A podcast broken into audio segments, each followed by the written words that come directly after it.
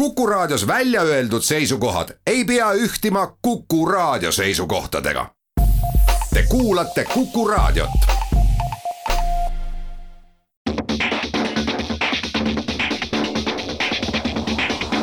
autotund. see on saade sulle, kui sul pole päris ükskõik, millise autoga sa sõidad. autotundi toetab Alexela anname jõudu elektromobiilsuse kvaliteedihüppele. tere kuulajad, eetris on Autotund, stuudios on Martin Mets ja Tarmo Tähepõld Geenius uudisteportaalist ja saate teisest poolest tuleb siia Kristel Leif, kes on Solaride, Eesti päikeseauto pundist. räägib natuke päikeseautost, kuidas neil läheb ja räägime sellest, miks ta ostis omale vana ja kasutatud elektriauto ja kuidas tal sellega elu läheb aga saate esimeses pooles räägime vesinikust, räägime veel kord Euroopa Liidu plaanist sisepõlemismootoriga autode müük lõpetada ja võib-olla jõuab ka rääkida parklakõksudest. nii, aga meie möödunud nädal WRC Rally Estoniast on nüüd küll mõnda aega möödas aga... minule panin tähele ainult ühte asja, mis nagu meediast, mina jälgisin seda kõike lihtsalt äh, meediapildist jäi silma see, et kõik on väga halb ja kõik on väga valesti ja see punktikatse, et see on nagu täiesti äh, mõttetu ja kõik on väga halvasti, jäi minule silma. see oli jah, Ott Tänak, eks tal oli ka väga kehv nädalavahetus, aga ta pani ikka nii otse, et selles mõttes noh, noh iseenesest nad ju ega see ralli inimeste punt ju siin väga suur ei ole, et kuidas noh, siis niimoodi ühed teevad valmis noh, ihu ja hingega mingi raja, mille siis noh, ütleme ausalt, Eesti kõige kõvem rallivend lihtsalt äh, ühe lausega hävitab. seda nii palju ma nägin, et visuaalselt tegelikult see, see punktikatse nägi välja väga äge tegelikult. ei no arusaadav, teie punktikatse ongi ju pealtvaatajatele mm -hmm. noh, selles mõttes aru, kõik, kõik need võistlusspordid, näiteks ka F1, mis järgmine aasta läbib päris suured muudatused,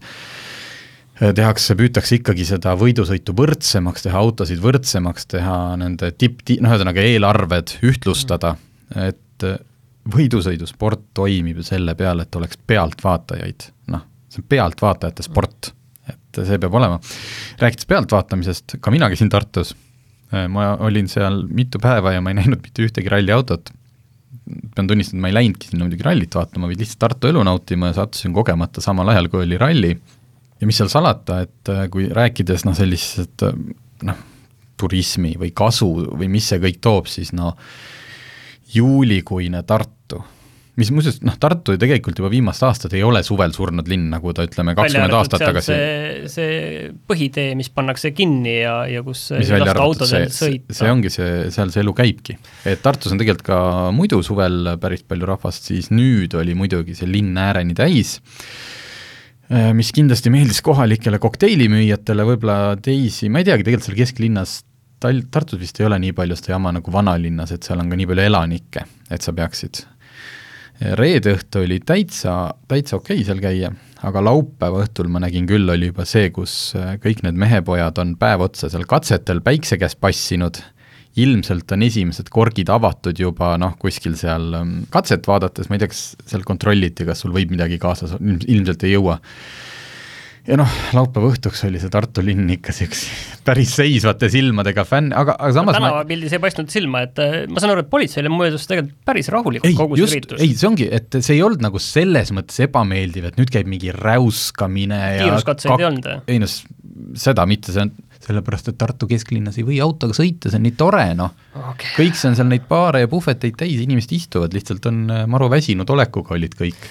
Okay.. aga noh, ühesõnaga ralli ise ma, ma ütlen, ma sain taaskord aru, ma ju esimesel päeval ikkagi olin reedel, neljapäeval vaatasid, jälgisid, ja siis, kui reede hommikul meie mees katkestas, noh mul, ma sain aru, miks ma, miks ma ei vaata sporti. nii kui ma seda hakkan vaatama, mul tekib kohe ju kellegi poole sümpaatia, okei okay,, ralli puhul on, eks ju, lihtne, kelle pool see on, tal halvasti läheb, see mul nii halb olla, mul on siis mitu päeva nii halb olla. siin oli jalgpalli see Eurocup, eks ju. no ma ei viitsi jalkat vaadata, see, see mulle ka ei meeldi aga noh, siis hakkad, siis sul, mul on oma lemmikud ja siis ta saab pähe, noh, no mis emotsioon see on ja sellepärast ma nagu seda rallit ka siis pärast seda ei tahtnudki enam vaadata. Äh, ma räägin nüüd hoopis teistsugusest emotsioonist no., mina käisin autoga ülevaatusel, ei käinud enda autoga, aga mul oli üks, äh, võib-olla peaks alustama sellest, et äh, tead seda reklaami, ma ei tea, kas see enam jookseb, aga see on väga hästi, on see reklaam inim-, Eesti inimeste teadvusesse jõudnud, see on see, et täkke esiklaasis, sellega sa enam küll ülevaatuselt läbi ei saa. arva, arvad tõesti, et sa saad sellega ülevaatuselt läbi? kas laulame ka nüüd või?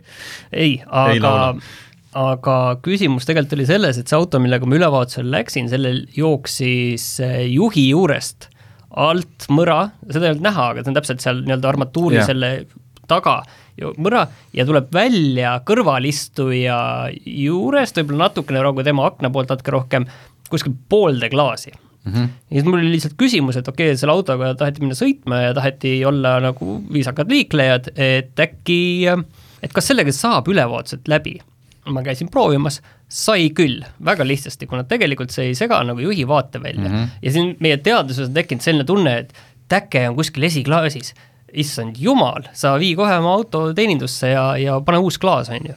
et, et tegelikult see päris ikkagi nii karm see asi ei ole ja aususe huvides olgu mainitud, et samal nädalal tegelikult see klaas hiljem vahetati ka välja ikkagi, et käidi, käidi ühes firmas, võib-olla see, see oli sama firma, käidi, vahetati ära ja ma kindlasti ei propageeri, on ju, et nüüd katkise klaasiga sõitmist, aga lihtsalt ülevaatusel peab sul olema juhi vaateväli peab olema puhas. Mm, -hmm. sellega peab olema korras, kui see mõra on kõrvalistuja ees, siis tegelikult eh, ei ole probleemi, kuigi see märgitakse ära sinna, et esiklaasi seisund on halvenenud sinna ülevaatusotsusesse jah, see esiklaaside asi on ju, või klaaside asi üldse on läinud pärast seda, kui kõikidel, noh, aina rohkem on uusi autosid, kaskokindlustused, neid esiklaase vahetatakse minu arust suhteliselt nagu valimatult ja ilma küsimusi esitamata ja enamikel tegelikult on kakssada eurot, kakssada eurot omavastutus on tegelikult väga paljudel. Nüüd see aeg, kus kõikidel klaasikahjud null enam ei ole või? see osadel on, aga enamikel seda tegelikult enam ei ole, isegi minu kindlustusel on ka niiviisi, et kakssada on omavastutus, kuna lihtsalt sellega mindigi natuke ja ma arvan, et seal läks noh, täiesti väike, väike täke oli ja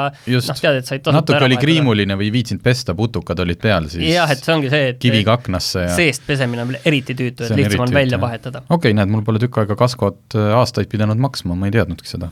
väga kasulik. nii, millest me lubasime rääkida? vesinikust, sellepärast et äh, meie, mitte küll ma isiklikult, aga meie toimetusest Elmar Ots sõitis lõpuks Toyota Mirai'ga, mis on puhas vesinikukütusel auto. samamoodi oli ju siin äh, hiljuti Eesti see tehnoloogiaettevõte Auvetech tegi Tartu Ülikooliga koostöös selle isejuhtiva vesinikusõiduki ja nüüd hakkab aina rohkem siis tekkima küsimus, et kas vesinik on hoopis see järgmine elektriauto ja kas me peame siin üldse nüüd kõiki neid elektriautosid ostma, noh, esimene vastus on ilmselt suur ja selge ei vist ei, kõigepealt sellepärast on ju, et Eestis ei ole vesinikutanklaid. ei ole, lähim on Lätis, seda Mira-, seda Miraid sama... käiakse treileriga, viiakse Lätti teine ja tangitakse. seesama, et see Toyota Mirai, et seda ma saan aru, saab põhimõtteliselt Eestist osta, aga ilmselt ega nüüd äh, Toyota ka ise aktiivselt selle müügiga ei tegele.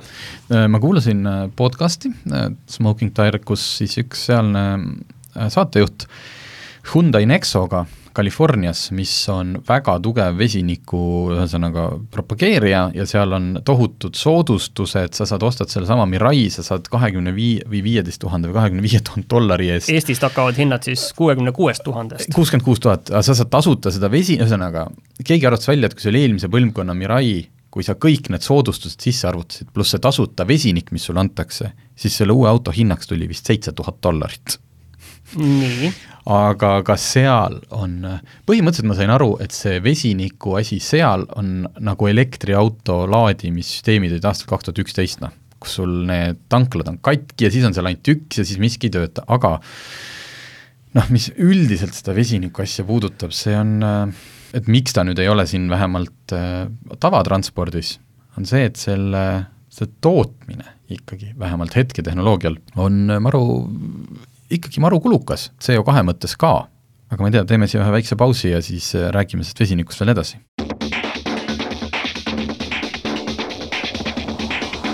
autotund. see on saade sulle, kui sul pole päris ükskõik, millise autoga sa sõidad.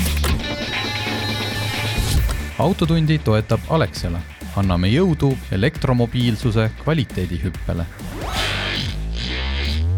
autotund on tagasi teemaks Toyota Mirai vesinikuauto ja üldiselt vesinik kui kütus. ja me jäime selle juurde, et see on kallis, aga vesinikul on ju teatud eelised elektri ees, selles mõttes, et selle laadimine käib ju äh, väga kiiresti. nojah, see oli, selle Mirai laadimine oli kahe-kolme minutiga ja noh, rääkides kallidusest, siis kui keegi tahab teada, kui palju see vesinikuga sõitmine hetkel maksab, juhul kui sa elad Lätis, siis meie testis arvutasime välja, et ekvivalent tuli umbes nagu üheksa kuni kümme liitrit sajale kulutaksid sa bensu mm -hmm..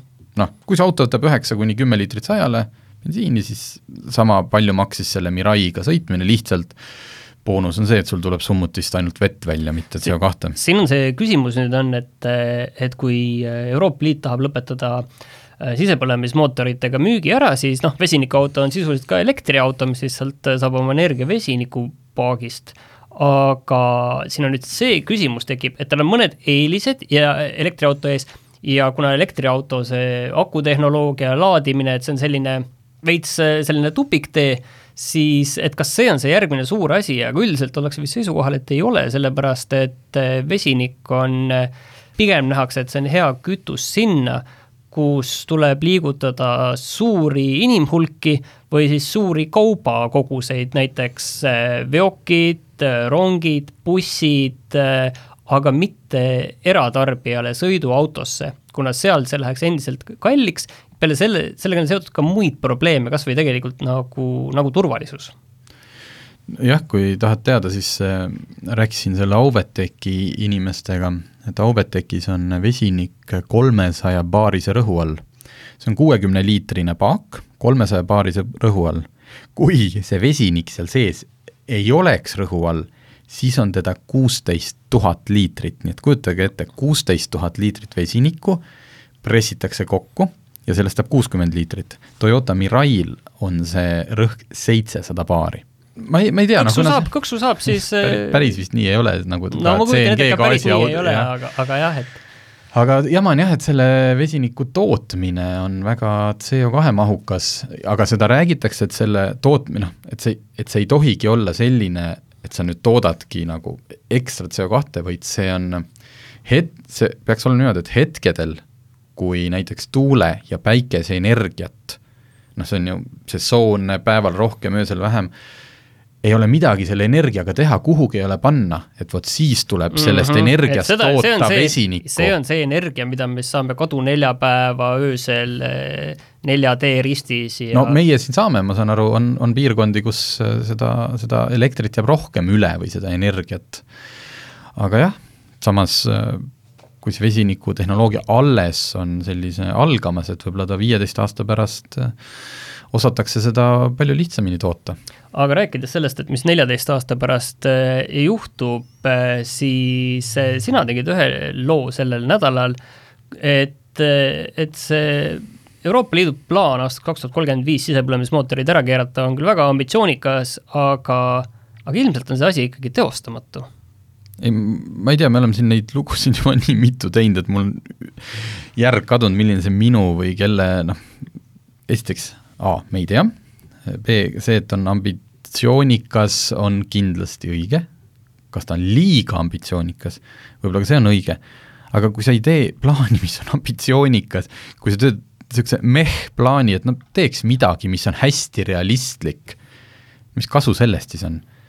see on praegult, et samamoodi nagu need CO2 kvoot, ma ei tea, mis need kvoodid või need, mida autofirma võib ühe auto kohta, eks üks au-, ja kui sealt läheb üle see keskmine, siis saab autofirma trahvi need on ka pandud praegult päris jaburalt väikseks, sellepärast et autofirmadel oleks motivatsiooni jaa, aga seda teha. saavutatakse ju sellega, et et väheautosid on need, mis on seal keskel, mis täpselt seal on. on ja. need, mis on julmalt üle ja on need, mis on nullis või mõned vist isegi on seal miinusmärgiga, on ju, mis sõidavad mingi biometaaniga. aga see autode müügi- ja teenindusettevõtete Eesti Liidu juht Arno Sillat, äh, mina vaatasin, et tema oma intervjuudes on olnud äh, küllaltki kriitiline kogu selle plaani suhtes, et ma saan aru, et jah, et kes, keda tema, on ju, esindab, aga siiski ta pointid on ju päris head. et antud juhul ikkagi poliitikud on tegelikult inseneridest ees. sul on õigus hetkede, kui me võtame, arvestame, mis tehnoloogiad meil hetkel on, võib-olla võtame arvesse ka, mis lähi lähi paari aasta jooksul, eks ju, äh, tehnoloogias juhtuma saab, aga mis saab juhtuma tehnoloogias kümne aasta pärast, ma ei tea, aga mul on selliste noh, ma olen ka hästi palju lugenud mõtle, neid negatiivseid mõtle, arvamusi, kui, kui noh, võimatu ja kui raske ja kui mõttetu see kõik on, aga kui keegi soovib äh, nüüd, keegi asjalik ja tark inimene, kirjutada mis on alternatiiv, kas meil on mingeid alternatiive, selles mõttes laseme rahulikult äh, sisepõlemismootorite peal edasi, kuniks jalutab uksest sisse perfektne uus tehnoloogia. innovatsioon juhtub ise niiviisi ja. tegelikult, et kui hetk tuleb eh, ja siis innovatsioon tekib ja, ja leitakse mingile probleemile ja. lahendus kus nähakse no just nimelt, meil on probleem, meil on kaks tuhat kolmkümmend viis äh, milline oli autode maailm neliteist aastat tagasi? mis mõttes, sõitsimegi bensiinimootoritega? jaa, aga kõik oli päris sarnane ju no. mõtle, kuhu me oleme neljateist aastaga jõudnud. meil on natukene me sõidame ikka bensiini sisepõlemismootoriga autodega ja alles hakkame elektriautosid Nii. üle minema. ja mõtle, kuidas me, kus me neljateist aasta pärast oleme, aga kui kaugel? mitte ilmselt liiga kaugel ju. sellepärast, et siiani ei olnud mingit motivatsiooni autofirmadel selle innovatsiooniga tegeleda, sest trahve ei olnud, sundust ei olnud jube lihtne oli sinna neid kolmeliitriseid mm., nelja- ja viieliitriseid mootoreid sisse panna. ma ei ole kindel, kas trahv ja sundlus on nagu kõige paremad äh, vahendid äh, saavutada selliseid eesmärke. aga me lubasime rääkida ka natukene, enne kui me siin liiga palju vaidlema lähme, lubasime rääkida ka parklakõksudest. jaa, äh, väike uuring on tehtud Baltikumis. mida teevad inimesed siis, kui juhtub parklas õnnetus? kas sinul on juhtunud? Oled sa olnud ohvri või äh, tekitaja rollis? mul ei tule meelde, ühe korra vist oli niiviisi, et kuskil festivali parklas äh, hommikuks mul oli mingi kõks oli seal äh, küljes autol, aga mingi hästi väike, aga muidu ei. see nagu uuringu järgi selgub, et viiendik juhtidest on ühel või teisel viisil sellise olukorraga kokku puutunud, et õnnetuse põhjustaja on sündmuskohalt lahkunud kolmteist protsenti nendest on siis sellised, et õnnetuse põhjustaja pole jätnud maha ühtegi märki, ehk siis ei mingit kirja või? ei, ei kirja ega ka oma numbrimärki näiteks. ja kolm protsenti õnnetuses osalenud juhtidest tunnistas, et nad on ka ise niimoodi käitunud et kolm protsenti tunnistas, aga, aga mis see protsent oli, kes kuskil on mingi vahe on mingi sees. kärin on siin sees. aga, aga mis siin tegelikult on oluline, mis siis noh, muidugi me peame aru saama, et see on kindlustusfirma uuring, võtame seda väikse, kuidas on see tükk äh,, soolatükiga, soolatükiga, ma ei tea, see oli vist tõlge inglise keelest jälle et kakskümmend kaks protsenti juhtidest pole pidanud õnnetuse registreerimist vajalikuks ja selles mõttes, et noh, juhid on omavahel kokku saanud ja teinud kokkuleppe, kuule, ma ei tea, et mingi, näed, sada eurot, et ei hakka siin kindlustusega jamama, sest mi, siis mul ju tõuseb see kindlustusmaksemäär, kui me nüüd registreerime et.... ja märge jääb ka külge tegelikult äh, sinna liikluskindlustuse fondi no just, lehele, et äh, ja mis teeb hiljem auto müümise keerulisemaks. noh, see on see, et kui sa, kui sa oled vähegi tark ostja, näed, et seal on ju kirjas, et kahju oli väiksem kui viissada eurot. jaa, aga, aga aru, samas, samas ikkagi, kui mina vaatan, et oi-oi, siin on ikkagi mingi kahju väike, aga, aga eks sa kunagi täpselt ei tea, mis see seal põrutanud on. aga selle point on siis selles, et, et mõistlik on see asi ära registreerida, sest et enamjaolt, kui sa tegelikult tahad ikkagi oma auto korda saada, selles mõttes muidugi, kui sa vaatad, sul on see kriim, sul on sellest suva, sa võtad parem sada sulas, siis palun. aga kui sul kaskot ei ole? jah, aga kui sa tahad korda saada kindlustuse kuludega, siis noh, tõenäoliselt auto stange värvimine on kindlasti rohkem kui sada euri. ja et ühesõnaga, ärge jookske minema ja pöörduge vist kindlustusse, ma ei teagi. okei okay,, aga nüüd tuleb siia Kristel Leif ja räägime päikeseautost ehk siis energiast edasi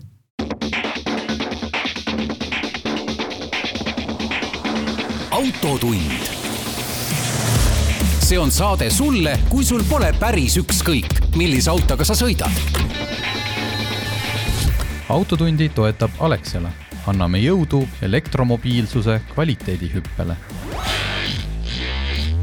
autotund on tagasi ja nüüd on stuudiosse tulnud eh, Kristel Leif, kes on Solaride'i tegevjuht ja Solaride eh, ehitab päikesejõul liikuvat autot aga, aga ennem kui me selleni jõuame, siis me saate esimeses pooles, meil oli siin teemaks äh, vesinik, et äh, miks te ehitate päiksejõul autot ja millal te ehitate vesinikuauto?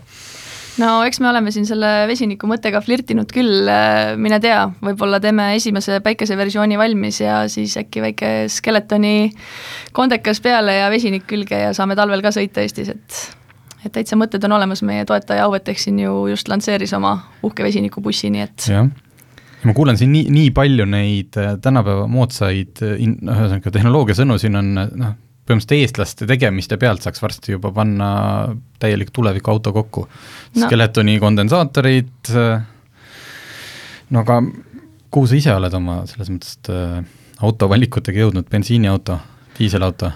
No tegelikult taust oli see, et äh, meil peres oli kaks autot, oli Avensis ja oli Land Cruiser. Hea valik. Turvaline ja töökindel. jaa, aga siis ühel hetkel ma tükk aega põdesin juba selle pärast, et ehitame päikeseautot ja, ja loome rohelisemat tulevikku ja siis äh, ise sõidan aeg-ajalt äh, Land Cruiseriga olude sunnil ja ühe korra, kui ma jäingi ühele tuttavale nii-öelda vahele, kus ta siis võttis mind pihtide vahele, et noh, räägid siin päikeseautost ja sõidad Land Cruiseriga, siis eks ma hakkasin tegelikult mõtlema tõsisemalt selle asja peale ja nüüd ma olen siis Nissan Leafi Läksid elektriauto peale üle? jaa, nüüd ma juba kuu aega sõidan elektriautoga ja olen maru rahul. Okei okay,, kuu aega, suvised kuu aega, kas äh, kui tihti sa liigud pikemaid distantse? ta, nad täna tulid Tartust, aga kui tihti sul tuleb sellist sõita ette? no eks ma nädalas ikka paar korda sõidan, et kõige pikem ots, mis ma praegu selle Leafiga teinud on, on äh, Virtsust Puurmani ja Puurmanist Kauksi, nii et niisugune mõnus. see on küll jah, sinul, sul on see teise põlvkonna Leaf, aga kas ta on suurema või väiksema akuga? jaa, kõige suurem. kõige suurema mm, -hmm. nii et mhm. läbisõit praegustes tingimustes on kui suur tal? no ligi, ligi nelisada on okay. ühe laadimisega. no ja siis, siis saab need, need distantsid saab enam-vähem ära sõita. jaa, no lõpus jäi seitseteist kilomeetrit alles, kui ma kohale jõudsin, nii et natuke jalg värises aga oled pidanud muutma siis oma kuidagi tarbimis- või, või mitte sõiduharjumusi? tegelikult ei ole. laed? ma jaa, laen kodus okay. ja kuna need laadimisjaamad tõmbavad nii kiiresti ta täis, et siis, siis ei ole probleeme olnud ja tegelikult ma hullult vihkasin seda tanklas käimist, et ma lükkasin seda alati viimase hetkeni edasi, kuni nagu aurude pealt juba sõitsin seal ja siis siis kuidagi see kodus laadimine ja kiirelt ma ei tea, poes käigu ajal laadimisjaamast täislaadimine on minu jaoks kuidagi lihtsam.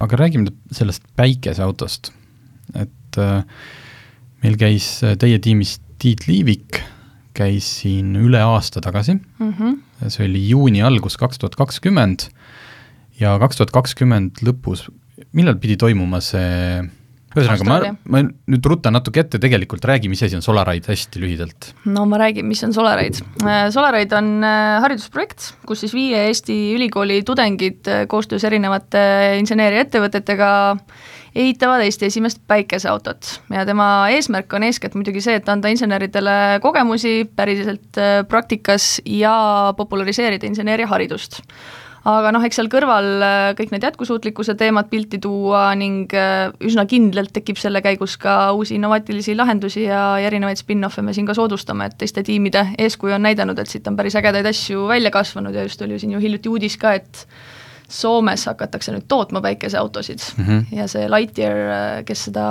teeb, nemad ongi Eindhoveni tiimi kasvandikud tegelikult, kes juba kümme aastat olid sellel samal Austraalia võistlusel osalenud, nii et aga kuidas selle Austraalia võistlusega, kas see pidi toimuma, kas on edasi lükatud, mis seis sellega on, arvestades olukorda maailmas? jaa, me märtsis saime uudised, et selle aasta oktoobris toimuma pidanud päikeseautode maailmameistrivõistlused Austraalias nüüd toimuvad virtua-, virtuaalsel kujul ainult ehk siis kõik võistlevad seal, kus nad on, meie oktoobri lõpus Eestis väga võistelda ei saa see on kuidagi, kõlab nagu ebaausalt, jah? jaa, aga me läheme tegelikult oktoobri lõpus Marokosse võistlusele ja teeme selle Austraalia virtuaalsõiduga seal ära.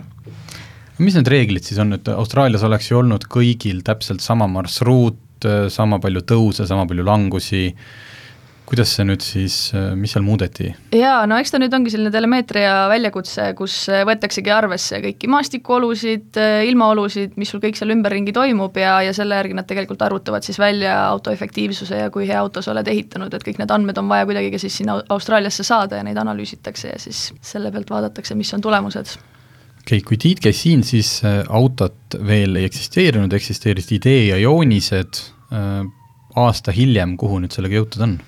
No neid jooniseid me tegime vähemalt kümme korda veel ümber, et see autodisain on väga palju kordi muutunud just selleks, et aerodünaamikat eh, peensusteni lihvida, et nüüd me oleme sealmaal, kus eh, kõik detailid eh, on kas juba valmis või veel valmimisel, nii et jäänud on suures osas veel komplekteerimisfaas, mõnel määral on siin veel teha elektroonikat ja, ja kerevormid vajavad veel tootmist, aga, aga suures osas hakkab see asi kokku saama ja hiljemalt septembris siis võiks seda ka rahva ette, rahva ees esitleda jätkuvalt nelja, te osalete selles neljakohaliste autode klassis mm. -hmm. aga millest need komponendid tulevad, kas, kas mängus on ka 3D print või kas ka seal on mingeid selliseid väga moodsaid lahendusi? ohohoo, eks me 3D printime ka igasuguseid erinevaid vidinaid sinna, aga, aga praegu kerepaneele me teeme Magnetic MRO-st koostöös siis lennundusinimestega, tulevad süsinikust kerepaneelid, lamineerime seal neid ja ja tulevad ultrakerged ja, ja mõnusad. Ja päikesepaneele, nende jaoks me ka siis äh, kaevasime, et kust saaks võimalikult efektiivseid paneele, sest Eestis ju naljalt üle kahekümne protsendi efektiivsusega ei leia, et tellisime ka Austraaliast ekstra kahekümne nelja protsendise efektiivsusega paneelid. Ja on igasuguseid põnevaid vidinaid siin küljes, et mootorid on äh, velje sees, kolm koma kaheksa on nende võimsus äkki, kui ma ei eksi, nii et, et väga vähe on äh, meil võimsust kasutada, üliefektiivne auto, aga ta on ka oma disaini poolest ja, ja võib-olla siis ka kaalu poolest hoopis midagi muud kui tavaauto. mis see kaal on? mis te sihiks olete võtnud auto kaalul? vot selle vastuse ma võin praegu võl-, võlgu jääda, sest ma ei mäleta seda. tõesti ei mäleta, ma valetan, kui ma ütlen. aga ilmselt me räägime, ma ei tea, kolmesajast kilost?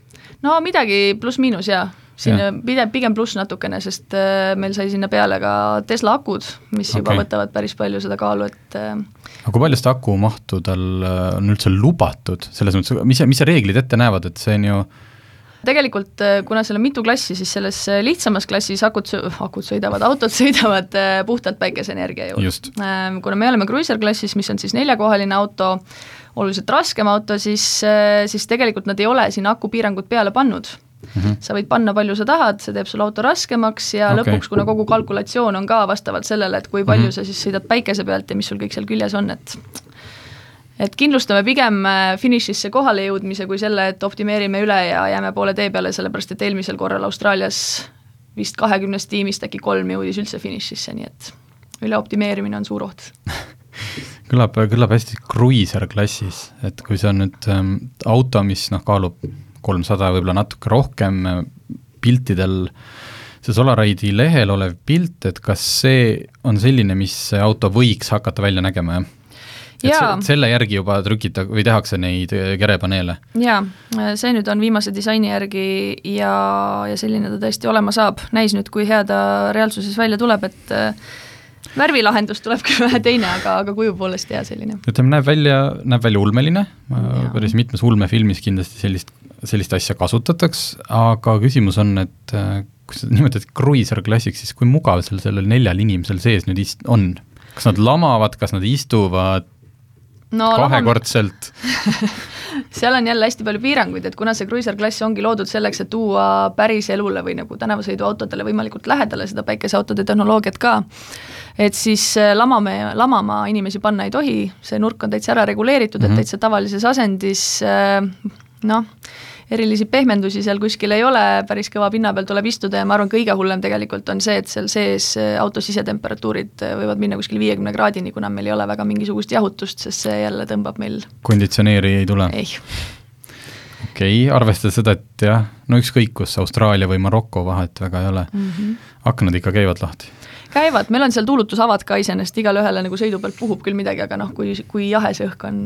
aga reeglite järgi, kas see, et kui kaua need inimestel järjest või kui palju mingid etapid, see on jälle enda valida, et võid ka iga tunni tagant peatuse teha, lihtsalt lihtsalt kaotad aega või on ka mingi reegel, et sa pead jaa. suutma sõita põhimõtteliselt jaa, sa võid peatuda, aga iseenesest äh, Austraalias selle kolme tuhande kilomeetri peale on ette nähtud tegelikult ka kaks laadimispeatust meie klassis mm. -hmm. ja see võistlusformaat on selline, et hommikul päike tõuseb, siis hakkavad kõik sõitma, õhtul kell viis pannakse autod seisma, seal, kus parasjagu kõrbes oled, seal siis peatud ja putitad oma autot ja lähed edasi. aga väga palju seda ei praktiseerita, et kuskil suvalistes kohtades seisma jäädakse, et kui siin eelmine kord läks ühel auto põlema, et siis nad olid sunnitud seisma jääma, aga muidu panevad ikka ühe jutiga üldiselt teeme siia väikse pausi ja siis räägime päikeseautost edasi.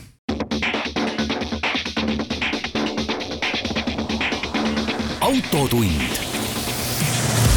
see on saade sulle, kui sul pole päris ükskõik, millise autoga sa sõidad. autotundi toetab Alexela, anname jõudu elektromobiilsuse kvaliteedihüppele. stuudios on äh, külla tulnud Kristel Leif, Solaride'i tegevjuht. kui see võistlus oleks toimunud selle aasta oktoobris nüüd uh. -huh. kas äh, protsess on teil kogu aeg olnud ilusti äh, graafikus, põhimõtteliselt kõik läheb nii, nagu läheb või on see viimane imelik aasta ka teil löönud selle, selle kõik sassi? ma arvan, ma võiksin raamatu kirjutada sellest esimesest aastast, sest noh, esimene hooaeg, et kui mõtleme siin, ma ei tea, tudengivormel on kümme aastat oma vormeleid mm -hmm. ehitanud ja kõik juba sujub õlitatult, sest kümme aastat on seda süsteemi loodud, et noh, me tegelikult ehitame täiesti uut organisatsiooni, kogu süsteemi, kuidas seda kõike teha ja ega keegi täpselt ei tea ka, kuidas, kuidas ühte päikeseautot ehitada, nii et neid tagasilööke on olnud oi-oi kui palju, sest tegelikult me ju tahtsime maikuus juba ikkagi ratastel olla ja mm, -hmm. ja sõita, aga kogu see koroonaaeg, sest noh, esiteks tudengid, kõik töötasid oma kodudes, mõned tiimiliikmed nägidki mai lõpus teineteist alles esimest korda, et äh, pöörane väljakutse ja, ja suur pinge oli tudengitel peal, pluss eks kõik tarneajad ja tootmised on praegu täiesti metsas, et mm, -hmm. et mhm. väga paljusid materjale, oma kontrollereid, näiteks Austraaliast mootorikontrollerid ootasime kaheksa kuud selleks, et mootorid käima saada. okei okay., äh, kui suurest tiimist me üldse räägime, kes no suurusjärk seitsekümmend inimest on see olnud, mis meil siin läbivalt kogu aeg kaasas on olnud, praegu on nüüd alles jäänud selline lõputuumik äh, kuskil kolmkümmend inimest, et ja meil ei ole ainult insenerid, vaid siin on ka turundusmeeskond, personal, partnersuhted, logistika, et me oleme selline interdistsiplinaarne haridusprojekt, kus siis erinevate erialade tudengid koos töötavad. imiteerime ühte keskmise suurusega ettevõtet nii-öelda. aga kui see äh,, lähete, sõidate, võidate, ei võida, läbite selle, mis, mis siis edasi saab, kas, kas jub-, selles mõttes, kas juba võetakse patente? Kas te juba olete, noh, ma ütlen, ilmselt on see kõik osa sellest saladust, kas te olete juba midagi leiutanud? no võib-olla hetkel kõige põnevam on äh, seesama tarkvaralahendus, äh, mis siis aitab leida kõige optimaalsemat sõidukiirust selleks, et äh, energiat kõige efektiivsemalt kasutada ja sellega me võidame Austraalias praeguse seisuga juba kolmsada lisakilomeetrit selle distantsi peale et arendustöö läheb edasi ja, ja tegelikult see tehnoloogia on ülekantav ka tavalistele elektriautodele, et siin Elmo rendiautode peal juba katsetame seda mm. -hmm aga üht-teist on veel jah, aga liiga palju kõva häälega ei taha rääkida, aga no eks esimene auto pigem siiski on selline nii-öelda pilootprojekt, kus me saame üldse aru, mida see kõik endast kujutab ja noh, iseenesest eile sai paika, et meie uus hooaeg algab kaheksas november ja tuleb uus auto, millega me siis kaks tuhat kakskümmend kolm läheme Austraaliasse ikkagi ka päriselt kohale. kas äh, päikeseenergia, ütleme, olemasoleva tehnoloogiaga ilmselt sa tead, et mis päikesepatareid ja kõik teevad lähiaastatel äh,, kas see tehnoloogia on pädev, et ainult seda kasutada või kas ta saaks olla nagu toeks elektriautol, on see nagu realistlik igapäevasõidus? tõenäoliselt on ja, ja seesama Lightyeari näide, mida ma siin mainisin, mida Soomes nüüd tootma hakatakse, et nende puhul ongi tegemist siis luksusautodega, mille sõiduulatus seal, kui ma ei eksi, oli ohohoo, üle tuhande kilomeetri kindlasti ja päikese pealt et, et juba esimesi samme sinnapoole on astutud, näis, mis hetkel siis ta, nii-öelda tavaautode katusele on mõtet hakata panema, vaatasin, Nobe siin äh, sättis omale juba päikesepaneele katusele, et eks kõik katsetavad. ei no katsetasin, Hyundai Ioniq viis on ka lisavarustus, on see päikesepatarei, aga noh, et kui palju see on lihtsalt selline noh, sümboolne, et et, et siit saab veel mõned kilovatid ja kui palju see on reaalselt juba kasutatav tehnoloogia?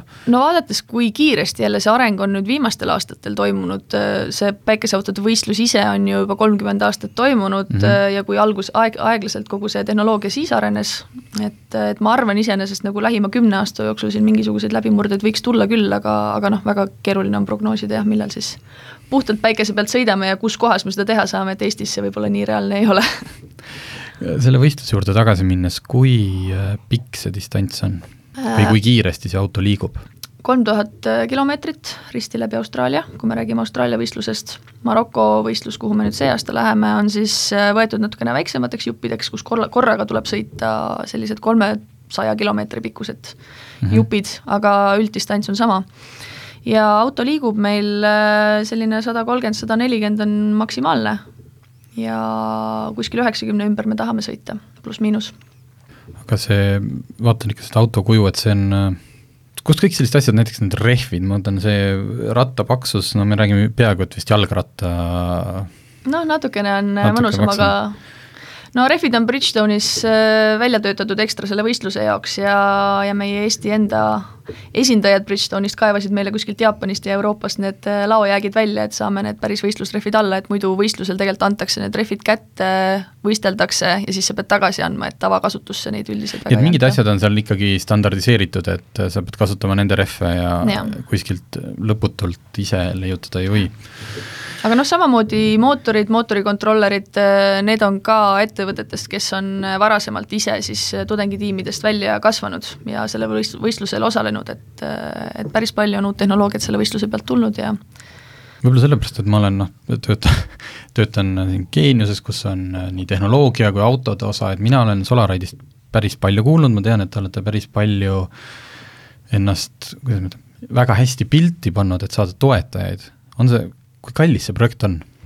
no esimese hooaja eelarve on äh, nipa-napa selline pool miljonit aga seal ei ole mitte mingisugust palgakulu sees, see on no just ma mõtlen, et see on äh, et tellida, tellida juppe ja, ja neid äh, ja. lahendusi. et sellest auto peale läheb suurem osa ja siis ongi võistluskulud veel lisaks ja noh, vaatasime siin just üle, et kui palju meil siis igasuguseid admin-kulusid või turunduskulusid või mida kõike veel siin olnud on, et see on mõni tuhat eurot, et, et suurem osa kõik ikka läheb autosse. aga eks uuel hooajal me näeme, et see eelarve tõenäoliselt äh, kahekordistub, sest äh, lõputult ilmselt äh, vabatahtlikult sellist suurt asja enam ei jooksuta, et, et palgakulu on ikkagi see päris suur röövel, mis, mis meie eelarvet suuremaks hakkab ajama. kas sa ütlesid, hakkate ehitama Solaraid, kas sellel, kas auto nimi on Solaride või on autol ka mingi hüüdnimi? me ei ole veel auto nime välja mõelnud, sest me natuke lähtume sellest nagu äh, laste puhul, et kui ta ära sünnib lõpuks, et siis me vaatame, mis nägu ta on ja siis paneme nime. et kui te hakkate seda teist tegema, et kas äh, kas, kas see läheb kardinaalselt muutmisele või lihtsalt on äh, lihtsam teha teine, kui et hakata siin mingeid asju juurde panema? no kuna kogu see esimene hooaeg ikkagi inseneeria mõistes on olnud selline väga künklik. Ja võib-olla me ka lähenesime sellele kogu probleemile või disainile natukene valest otsast, et et selles mõttes on sul õigus, et lihtsam on hakata nullist pihta ja teha kõik asjad nüüd mm õigesti, aga me kindlasti võtame väga palju esimese auto pealt juba kogemusi kaasa ja samamoodi ka erinevaid komponente kaasa, et et needsamad kahekümne tuhandesed äh, mootorid kindlasti ei jäänud kuskile tolmu koguma, vaid need mm liiguvad edasi auto, uue auto peale ja nii edasi. Kui õnnestub septembris komplekteerida, kas sügispäiksega saab Eestis ka mõne sõidu teha? no peab kas saama. proovisõit, kas proovisõidule saab? no ikka saab, teid me kutsume kindlasti, kui me selle katte maha tõmbame, nii et, et see on, on kindlasti avalikult toimumas. meil on lõpus paar minutit veel aega, et äh, siin viimase nädala või nädalate kuum teema on olnud see, et Euroopa Liit tahab kaks tuhat kolmkümmend viis alates, et sa poest enam uut sisepõlemise mootoriga ei saa, ühesõnaga saad osta uut ainult nullheitmega autot me ei suuda ennustada, mis toimub, eks ju, neljateist aastaga. kas sina näed, et see tee, mis praegult võetakse, et kas see on reaalne? võib-olla see on mingi kombo vesinikust, elektrist, päiksest, ükskõik, aga kas see on reaalne? No mina vaatan seda probleemi, kuna minu enda taust on suuresti seotud ka kommunikatsiooni poolega, siis, äh, siis pigem ma näen, et me peame kõvasti panema tuure juurde üldse selle inimeste nagu mindset'i muutmisele, et üks pool on muidugi tootmine, kas me suudame need autod tänavatele tuua, aga kas need inimesed neid siis ka ostma hakkavad, et äh, et sellesse võib-olla täna peaks oluliselt rohkem panustama, kui, kui siiamaani tehtud on. aga kas see on reaalne, noh peab olema, peab uskuma just, et noh, et üks asi, kas see, kas see poliitika suudetakse ellu viia, aga kui sa vaatad tehnoloogia poolt, et kas kõikide nende asjade kokkupanemine, segamine, mingid uued asjad, tahkisakud, mis kõik võivad tulla, et kas kas selles mõttes on see asi reaalne? ma tahan uskuda, et on. ma ei, ma ei ole pädev seda väitma, aga, aga ma tahan uskuda, et on, aga noh, eks ta on kohutavalt optimistlik jätkuvalt, vaadates, millise tempoga me praegu liigume sest noh, eks kui me otsime, otsisime ka omale siin partnereid, kes elektriautodega ka Eestis näiteks tegeleks, siis, siis väga paljud autotootjad ikkagi või auto edasimüüjad ütlesid, et äh, autosid lihtsalt ei ole, sest kõik läheb Lääne-Euroopasse ja, ja nende tootmisega on ikkagi nagu et siis elektriautod või, jah? et on probleeme, aga noh, loodame, et tulebki, tuleb päike, tuleb vesinik, tuleb veel jumal teab mis ja, ja ehk suudetakse need asjad kuidagi kokku ka panna ja, ja noh, kogu see taristu seal ümber muidugi hakkab ka palju mängima. jah mulle meeldiks sellise positiivse noodiga praegult ikkagi lõpetada, et et loodetavasti siis erinevad teie insenerid ja kõik, kõik teised insenerid maailmas äh, mõtlevad midagi välja. no anname endast parima. et me saaks rahulikult edasi sõita, aga suur tänu, et sa tulid, äh, jõudu, ma ei tea, viimaste meetrite läbimiseks ja jääme siis proovisõitu ootama. tuleb